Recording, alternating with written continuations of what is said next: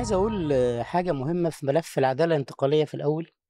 العدالة الانتقالية ليس لها ميعاد معين تبدأ فيه ومن الخطأ إن إحنا نظن إن هنبدأ العدالة الانتقالية بمجرد سقوط نظام الحاكم في مصر. العدالة الانتقالية كنظام بيمشي بالتوازي حتى مع جبروت النظام الحالي. يعني أنت مثلا العدالة الانتقالية من ضمن بنودها أو محاورها عدم الإفلات من العقاب. فأنت بكل الشكاوى اللي بتقدمها والقضايا اللي بترفعها ودعوى التعذيب اللي بتقدمها واستخدام ولاية القضاء الشامل وفي الخارج ده نوع من أنواع المضي قدما في ملف العدالة الانتقالية. مسألة تقديم طعون داخلية بس وفق القانون الوطني سواء كان مثلا طعن على قرار سلبي بعدم الكشف عن مكان مختفي قسرا أو طعن على قرار خاص بعدم صرف مستحقات مالية. أو طعن على قرار خاص بفصل عامل أو طعن على قرار خاص بعودة عامل. كل هذا عمل في مسار العدالة الانتقالية. تقديم بلاغات ضد كل من أساء استعمال السلطة بالتعذيب نوع من أنواع المضي قدما في ملف العدالة الانتقالية. فالعدالة الانتقالية فيها محاور كتيرة بتمشي فيها بالتوازي مع والنظام واقف بيخبط فيك. يعني هي ملهاش ميعاد معين بقول هبدأ ستارت دلوقتي في ملف العدالة الانتقالية لأ. العدالة الانتقالية أنت بتمشي فيها لكن أنت بتستلهم صور أخرى من العداله الانتقالية تمت في جنوب أفريقيا في المغرب في عدد من الدول. وهل النموذج اللي تم مثلا في المغرب نموذج كويس؟ ولا هو نوع هو كان منحه مثلا من الحاكم؟ هل النموذج اللي جنوب أفريقيا اللي تم وخروج مثلا يعني المجموعة اللي كان مقبوض عليها وبعد كده التصالح مع النظام وإن إحنا ما فيش مشكلة إن إحنا نقعد كلنا مع بعض تاني ونتكلم؟ فأنت بتستلهم بقى النموذج وتشوف النموذج الأفضل لكن ما فيش حاجة اسمها إن العدالة الانتقالية هتبدأ بتاريخ مثل واحد هو ما فيش قالب واحد ما فيش قالب ولا ما فيش قالب صحيح. والعدالة الانتقالية بتسير في مساراتها عشان كده دايما بنوجه الناس في موضوع تقديم بلاغات. يعني في واحد يقول لك يا عم أنا مطحون أنا مفصول. يعني لسه واحد امبارح بيكلمني بيقول لي هل القرار الصدر من محكمة الأمور المستعجلة بالأمس برفع التحفظ على مجموعة من الناس يفيدني؟ قلت له آه يفيدك. قال لي أنا القرار الصادر أنا خلاص اتحصن.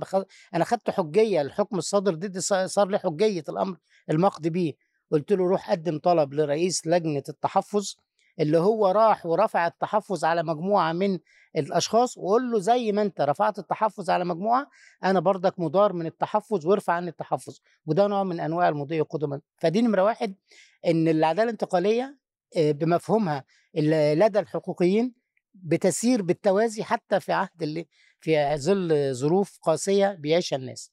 الأمر الثاني اللي عايز برضك أتكلم فيه خاص بمسألة المسؤول عن الانتهاكات في نظرنا. أنا لا أقيم الأمور بصورة سياسية ولكن أقيم الأمور بصورة حقوقية صرفة. يعني الحق والذي اعتدى على الحق. دون دخول في موائمات سياسية ممكن يعيها أكتر مني السياسة. فأنا مثلا أنا ما أقدرش أجيب مثلا أنا راجل راصد للأحداث أنا كنت المحامي بتاع سيد بلال بس الوحيد اللي كان محامي سيد بلال. وأنا الحمد لله صدر لي حكم بحبس خمسة من ضباط الأمن الدولة في مصر المؤبد.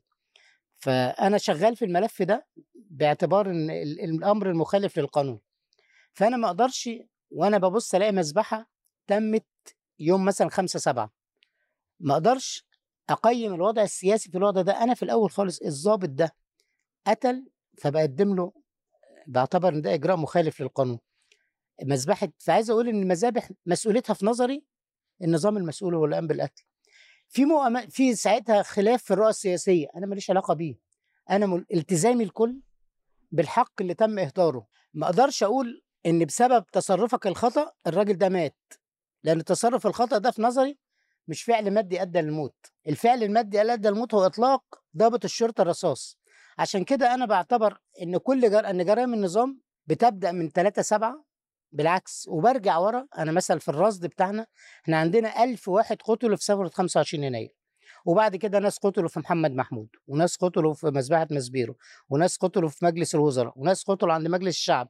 وبعد كده المذابح دي وصلت يعني 1000 وحوالي 5000 مصاب وبعد كده الارقام اللي ذكرتها كل دي مذابح يرتكبها هو الكلام اللي تفضل فيه كلام صحيح من الناحيه المسؤولية القضائية صحيح. أيوه عايز أقول إيه؟ لكن هذا لا لا يمنع إنه نحن نراجع ما الذي جرى. المراجعة مطلوبة. لكن وإحنا بنراجع إحنا مش عايزين ننسى يعني نفرق ما بين لا يسقط المسؤولية المراجعة والمسؤولية في رقبة مين؟ ما هي هو يعني أنا مش يعني عايز أحط هو بس المسؤولية النقطة في رقبة السياسة مسؤولية الدم ليست في بسبب أنا برضك يعني ببعد عن السياسة.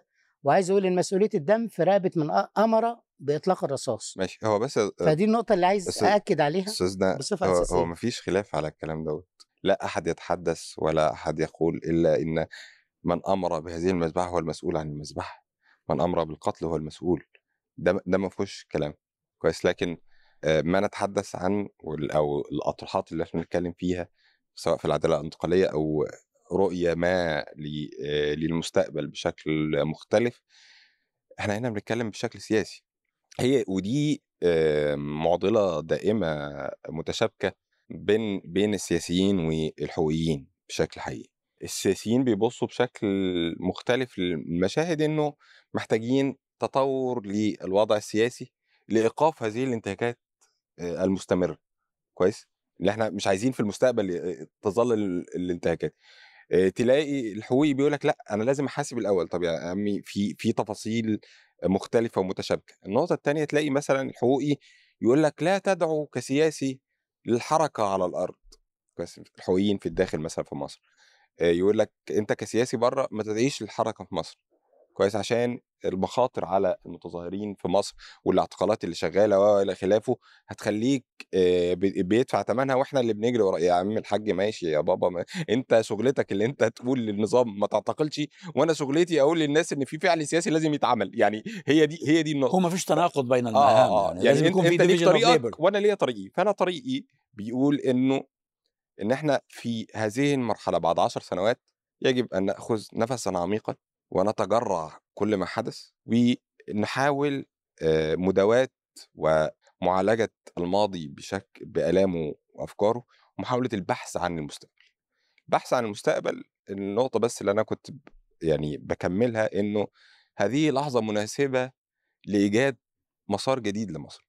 هناك انتخابات رئاسية قادمة في مصر. هذه الانتخابات أنا في رأيي أنها محورية جدا.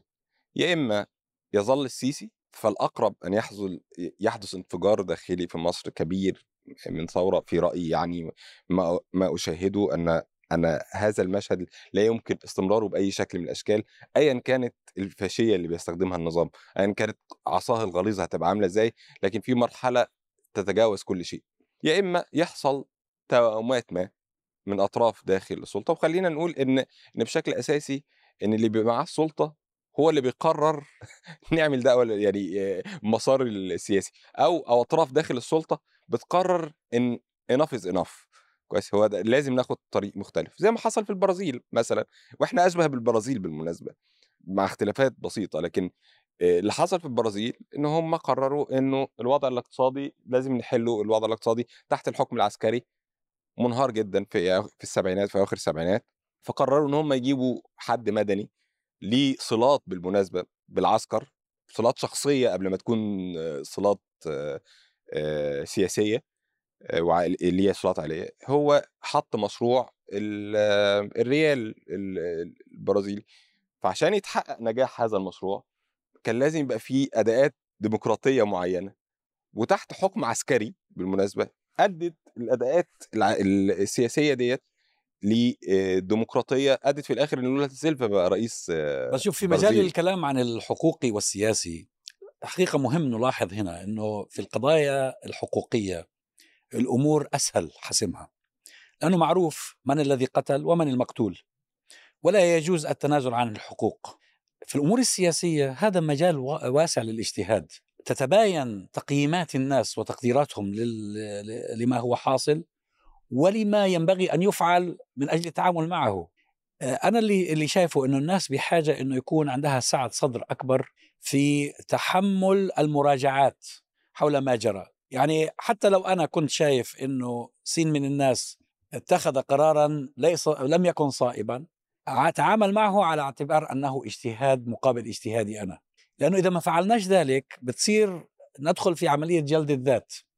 ومش حنستطيع نتوصل إلى حلول. صحيح. صحيح. ونديم آه، آه، الجدر ال- المقامة بيننا. آه، الحقيقة ما مرت به مصر آه، وكان حاجة آه، فوق التصور صعبة جدا. كان الله في عون كل من اضطر إلى أن يجتهد آه، صحيح. بهذا الاتجاه صحيح. وذاك الاجتهاد.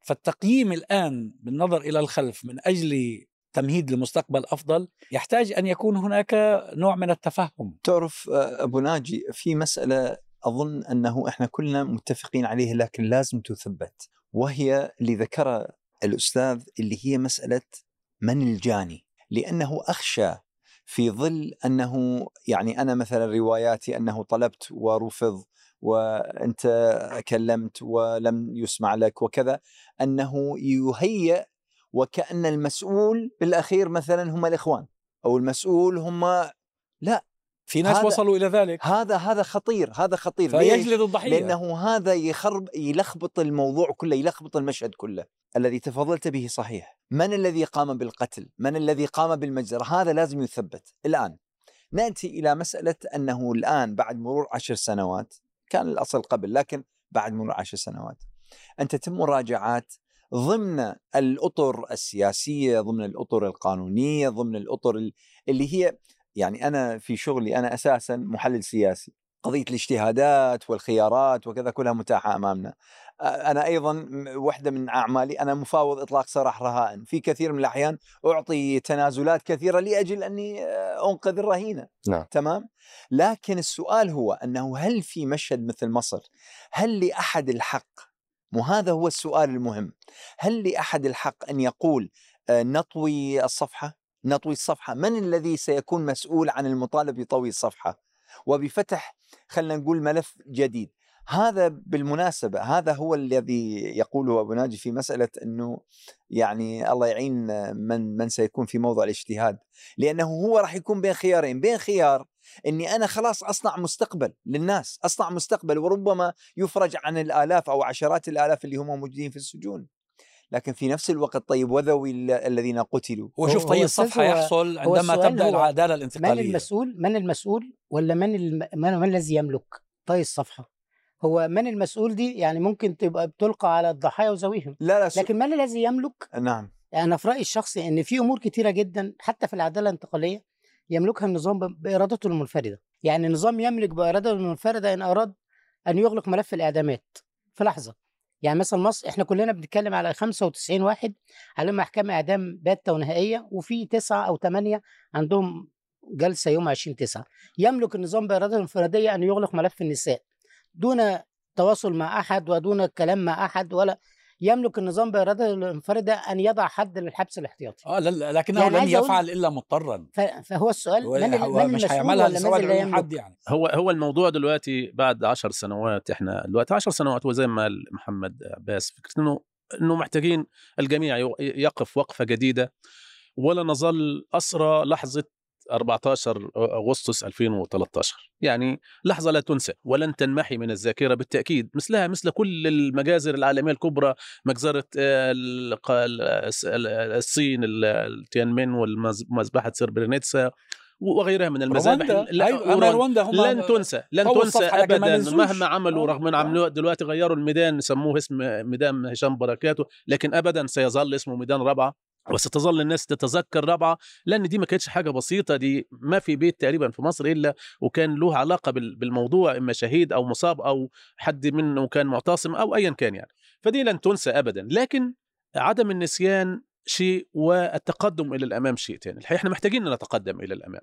والتقدم إلى الأمام ده الحقيقة واجب إنه الجميع يفكر فيه. وإنه يعني يبقى عقد وطني جديد ينقل مصر بالفعل من هذه اللحظة. النظام حتى الآن عشر سنوات صحيح هو نظام متغلب مسيطر على الأرض حقيقة لا ين- لا ننكر لكنه غير مستقر. يعني عشر سنوات لا يعلم أحد أين يبيت السيسي. ما مش معروف له عنوان سكن حتى الآن. دي مسألة يعني لا تجوز في. في رؤساء الدول يعني رؤساء الدول معروف أماكن إقامتهم عشر سنوات النظام لا يزال في حروب مستمرة ومعارك مستمرة ودائما بيستحضر شماعة الإخوان علشان يفضل يحشد بيها ويشحن بيها ال- ال- ال- ال- ال- اللي هو أنصاره أنصاره الذين ينفضوا. بالفعل حاليا بعد عشر سنوات في حالة انفضاض كبيرة من حوله. لا تزال ربما القوة الصل- الصلبة اللي هي الجيش والأجهزة الأمنية هي اللي موجودة لسه معاه لكن على المستوى ال- السياسي الغطاء السياسي اللي كان موجود مع السيسي حتى يعني 2016 جزء منه كبير آه، خرج بعد تيران وصنافير. آه، يعني 2017 أخذ- نعم. 2017 نعم. يعني و- و- والجزء الآخر خرج بعد ذلك تباعا بسبب الأزمات ال- الاقتصادية وبسبب الفشل وبسبب ال- يعني أشياء كثيرة أخرى. فالنظام الآن يفقد كثير من الحاضنة الشعبية. آه، ولكن مع ذلك هو ما زال نظام مسيطر. الأمر يحتاج بالفعل إلى حوار وطني حقيقي مش الحوار الوطني الشكلي اللي هو عامله النظام الآن وبيختصر فقط على معسكر 30 يونيو. لا إحنا بالفعل نحتاج إلى حوار وطني حقيقي يجمع الجميع. كل أطياف ال- القوى الوطنية المصرية في الداخل في الخارج إخوان سلفيين ليبراليين شيوعيين مسيحيين مسلمين الكل. ويعني أنا شخصيا أرشح إن يكون الأزهر مثلا يحتضن مثل هذا الحوار أو حتى بيت العائلة المصرية باعتبار إنه في الطرفين المسلم والمسيحي يعني. يعني إذا كان بمقدورهم أنا عارف إن شيخ الأزهر نفسه الآن هو نفسه مقيد وعليه يعني آه، يعني ريستريكشنز هل هناك أصوات لكن- عاقلة داخل النظام؟ داخل النظام لا تظهر الأصوات العاقلة بالتأكيد يعني ربما يكون هناك فيها هي. موجودة. لكنها عشان نعم؟ يعني الحقيقة يا دكتور أنا آه، أستاذ قطب إن هي موجودة. ما أنا بقول إنه آه، أكيد في أكيد في لكنها مش قادرة تظهر لأنه السيسي الحقيقة واقف لهم بالمرصاد لأنه يدرك أنه أي تسوية سياسية هو هيكون ثمنها. هو دي القناعة اللي عند السيسي. هو مش مقتنع ابدا حتى بفكرة الخروج الآمن. يعني إن بعض الناس بتطرح فكرة إنه طب ممكن فكرة خروج آمن للسيسي. هو نفسه مش مقتنع بالفكرة لأنه مدرك إنه اللحظة اللي هيترك فيها السلطة هتكون لحظة نهايته. هو لا يأمن حتى لابنه إنه ابنه نفسه يأتي ربما رئيسا لكن التعويل ليس على السيسي. هو التعويل على قوى أخرى داخل الدولة. يعني جهات أخرى داخل المؤسسة العسكرية اللي هي الآن أصبحت السيسي دخلها في خصومة مع الشعب لأول مرة الجيش المصري يصبح مختلف عليه. الجيش في أي دولة ده الحاجة الوحيدة أو ال- من الحاجات القليلة اللي بتبقى محل اتفاق وإجماع وطني. العسكري أو الضابط يبقى ماشي في أي حتة شاعر إنه محمي بإخوانه باهله اللي مو... الآن لا الجيش المصري محل سخرية من قطاع كبير من المصريين. وهذا لا يليق بالجيش المصري. وبالتالي الجيش نفسه ربما يكون في داخل الجيش من يريد ال ال ال يعني ال الخلاص من هذه الفترة يعني والخروج من هذه الصورة السيئة.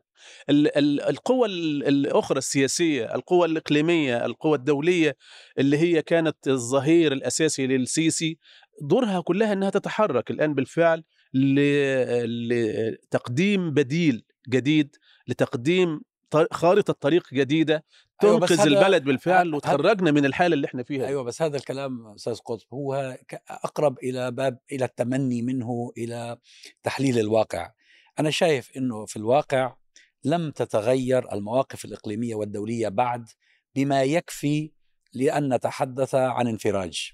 لكن في بعض التغيير آه، لا حد الآن لا هو في تغيير بالتأكيد لكن مش بالحد الكافي آه، نعم مش بالحد الكافي. الحديث نعم. على أننا سندخل ليه؟ لأنه المنظومة المنظومة الإقليمية ما زالت تفضل الوضع الموجود في. مصر بالرغم من إنهم متاذين منه ومتاذين من من أسلوبه في التعامل معهم وفي شوية توترات هنا وهناك آه، في سواء فيما يتعلق بالسياسة المحلية أو بالسياسة الإقليمية المش... الدول الأوروبية والولايات المتحدة الأمريكية ما تزال تدعم النظام بقوة وتوفر له حماية دبلوماسية وسياسية ودعم اقتصادي وعسكري فبد... ف... ف... لا أنا بقول أنا بقول الكلام هذا ليش؟ لأنه إذا أردنا أن نتكلم عن مبادرات أو نتكلم عن حوار وطني لابد أن نكون آه، أن تكون قراءتنا للوضع الإقليمي والدولي صحيحة بالإضافة إلى القراءة إلى الوضع. المحلي حتى لا يبدو علينا أننا نقدم ما لا يقبل فبتكون أنت في في موقف في غاية السوء. يعني مثلا مثلا ال- الطلب الوقف الدعم العسكري 320 مليون دولار مم. الأمريكي. المعونات الأمريكية عدد كبير من النواب الديمقراطيين قدموا هذا عشر الطلب. نواب قدموا طلب. نعم غالبا سيرفض. غالبا سيرفض. لأن الدولة الأمريكية الدولة الأمريكية معنية بأنه هذا الدعم يصل إلى إلى مصر معنية بذلك. فلذلك معنية يعني- بعدم حدوث تغيير بعدم أيضاً. حدوث تغيير. هذا هو الأمر. أنا لذلك يعني أفرق بين قضية السخط الداخلي ربما يحصل في سخط من اللي حوالين آه، السيسي من الضباط من ال- ربما.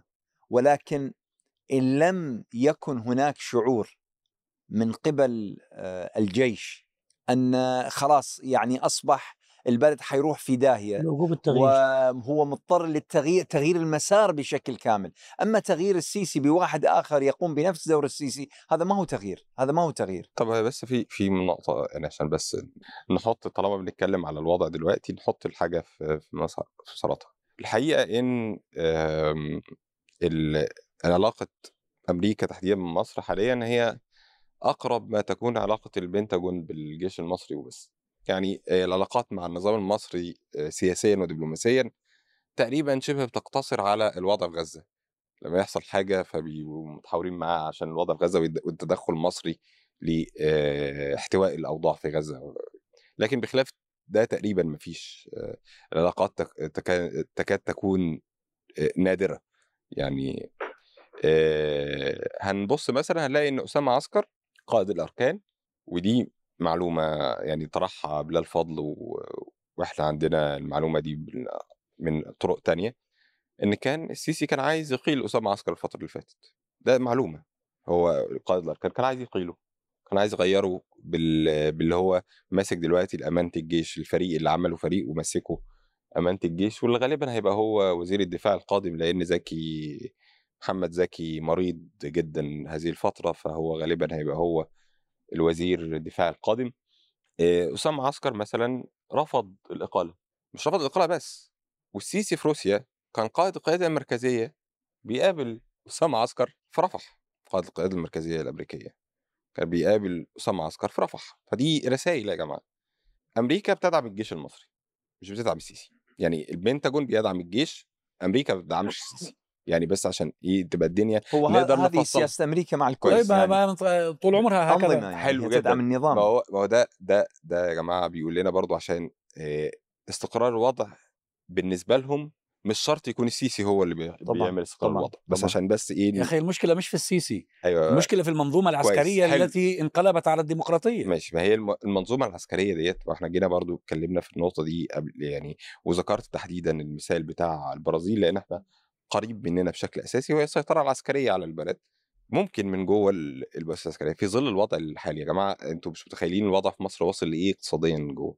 فعلا الناس فعلا مش لاقية تاكل حرفيا. ده مش كلام يعني للأسف الواحد بيقول الكلام دوت على بلده وأهل ناسه. لكن الغ... الغلاء الشديد اللي موجود فيه الناس مرعب. وأنا يعني أنا ابن منطقة شعبية من منطقة اسمها أمبابة. كويس؟ فأنا عارف كويس مقاس الناس عاملة إزاي. لأ الوضع صعب جدا. دي نقطه النقطة الثانية حالة السخط اللي واصلة لداخل حتى مؤسساته الداعمة. أنا بتكلم على شرطه وجيش بالمناسبة وبشكل مباشر مش بتكلم بقى على معلومات وبيتقال على النت والكلام ده لأ بشكل مباشر. في سخط رهيب على أداءاته وعرفوا فعلا وبيتمنوا بشكل حقيقي رحيله. ومن دوائر مقربة هو مش معتقد تماما إن الناس دي تقول الكلام ده. يعني بحسب الكلام بشكل مباشر من الناس منه. فهو الانتخابات القادمة ليه أنا بركز على الانتخابات القادمة؟ الانتخابات القادمة في مصر فرصة حقيقية لإحداث تغيير ما في في مصر. فرصة حقيقية. أنت أنت بتفترض إنها حتكون انتخابات ما, أنا ونزيهه هكمل يعني؟ ما أنا هكمل لحضرتك أهو. ما هو أنا هقول لحضرتك ال- التكتيك والاستراتيجية عشان بس إيه الناس تعمل. آم، لأنه لأنه النظام 2019 المصري خبير في تزوير الانتخابات. عظيم جدا. ما في 2019 خبير دولي. في 2019 في في التعديلات الدستورية اللي فاتت كان القضاة في مصر عندهم رفض لل- للتعديلات دي بالمناسبة. كانوا رافضينها كانوا شايفين إن هي بتقتص من من مساراتهم وكان عندهم إرادة حقيقية إن هم يطلعوا نتيجة حقيقية للانتخابات. والمناسبه النتيجة اللي طلعت تقريبا مش بعيدة عن النتيجة الحقيقية بس عشان الناس اللي راحت تقريبا كام مليون؟ هو قال 3 200 ألف قالوا لأ هو كان 4 مليون فرق 800 ألف يعني. 3 مليون و200 ألف واحد في 2019 راحوا 18 قالوا لأ. لألف... للتعديلات الدستورية. آه، في التعديلات مش في الانتخابات آه آه. التعديلات آه. الدستورية. راحوا قال- قالوا لأ. ده رقم مهول يا جماعة. الناس اتحركت شافت مسار آمن اتحركت عليه قالت 3 مليون و200 ألف نزلوا وراحوا قالوا لأ بال... واللي راحوا بالإجبار بالمناسبة. النقطة الثانية إنه برضو دلوقتي وال... والقضاة كانوا بيعلنوا النتائج وبعد كده موقفين إعلان النتائج. آه، هو اتدخل تماما بشكل واضح باعلان النتائج. القضاة دلوقتي عندهم نفس الأزمة مع مع سيسي في إيه؟ إن هو تعيينات القضاة لازم ياخدوا تدريب ست شهور في الحربية. كلية الحربيه فهم رافضين ده تماما وعاملين خناقة فعلا معاه دلوقتي في الموضوع دوت. كبيرة خناقة كبيرة بالمناسبة و... وأعلنت وال... والناس عارفاها دلوقتي كلها. فإحنا عندنا فرصة للحركة في المساحة دي. النقطه تانية كمان إحنا عندنا إن الناس عايزة تشوف مسار آمن تتحرك فيه. خلال ال 12 سنة اللي عدينا فيهم الأوضاع الخارجية في. بره مصر الدول الإقليمية اللي حوالينا ادت أمثلة مرعبة للناس في مصر. خلينا نتكلم بصراحة وخلينا نتكلم بوضوح. سوريا وليبيا واليمن وكل المناطق اللي حصل فيها تغييرات السودان وكذا خلت الناس قلقانة من من أي حركة. فلازم الناس تحس إن في مسار آمن تتحرك فيه. فأنا المسار الآمن بالنسبة لي إيه؟ الحركة في الانتخابات خلينا نشوف انتخابات الصحفيين في مصر حصل فيها إيه. قبليها تحركات المحامين لرفض آه، تدخلات الدولة في في أكثر من موقف في. موضوع الفاتورة الفاتورة الضريبية. آه. تحركوا وأجبروا الدولة على التراجع. النقطة الثالثه انتخابات المهندسين. اللي الدولة نزلت الناس المهندسين من مؤسساتها باوتوبيسات عشان يروحوا يسحبوا ثقة من نقيب آه، المهندس. نقيب المهندسين بشكل أساسي. فراحوا. جددوا الثقة. قاموا راحوا مأيدين الثقة. في في حضور أكبر حضور حصل في تاريخ نقابة المهندسين. دي مشاهد لازم نشوفها وإحنا بنتحرك.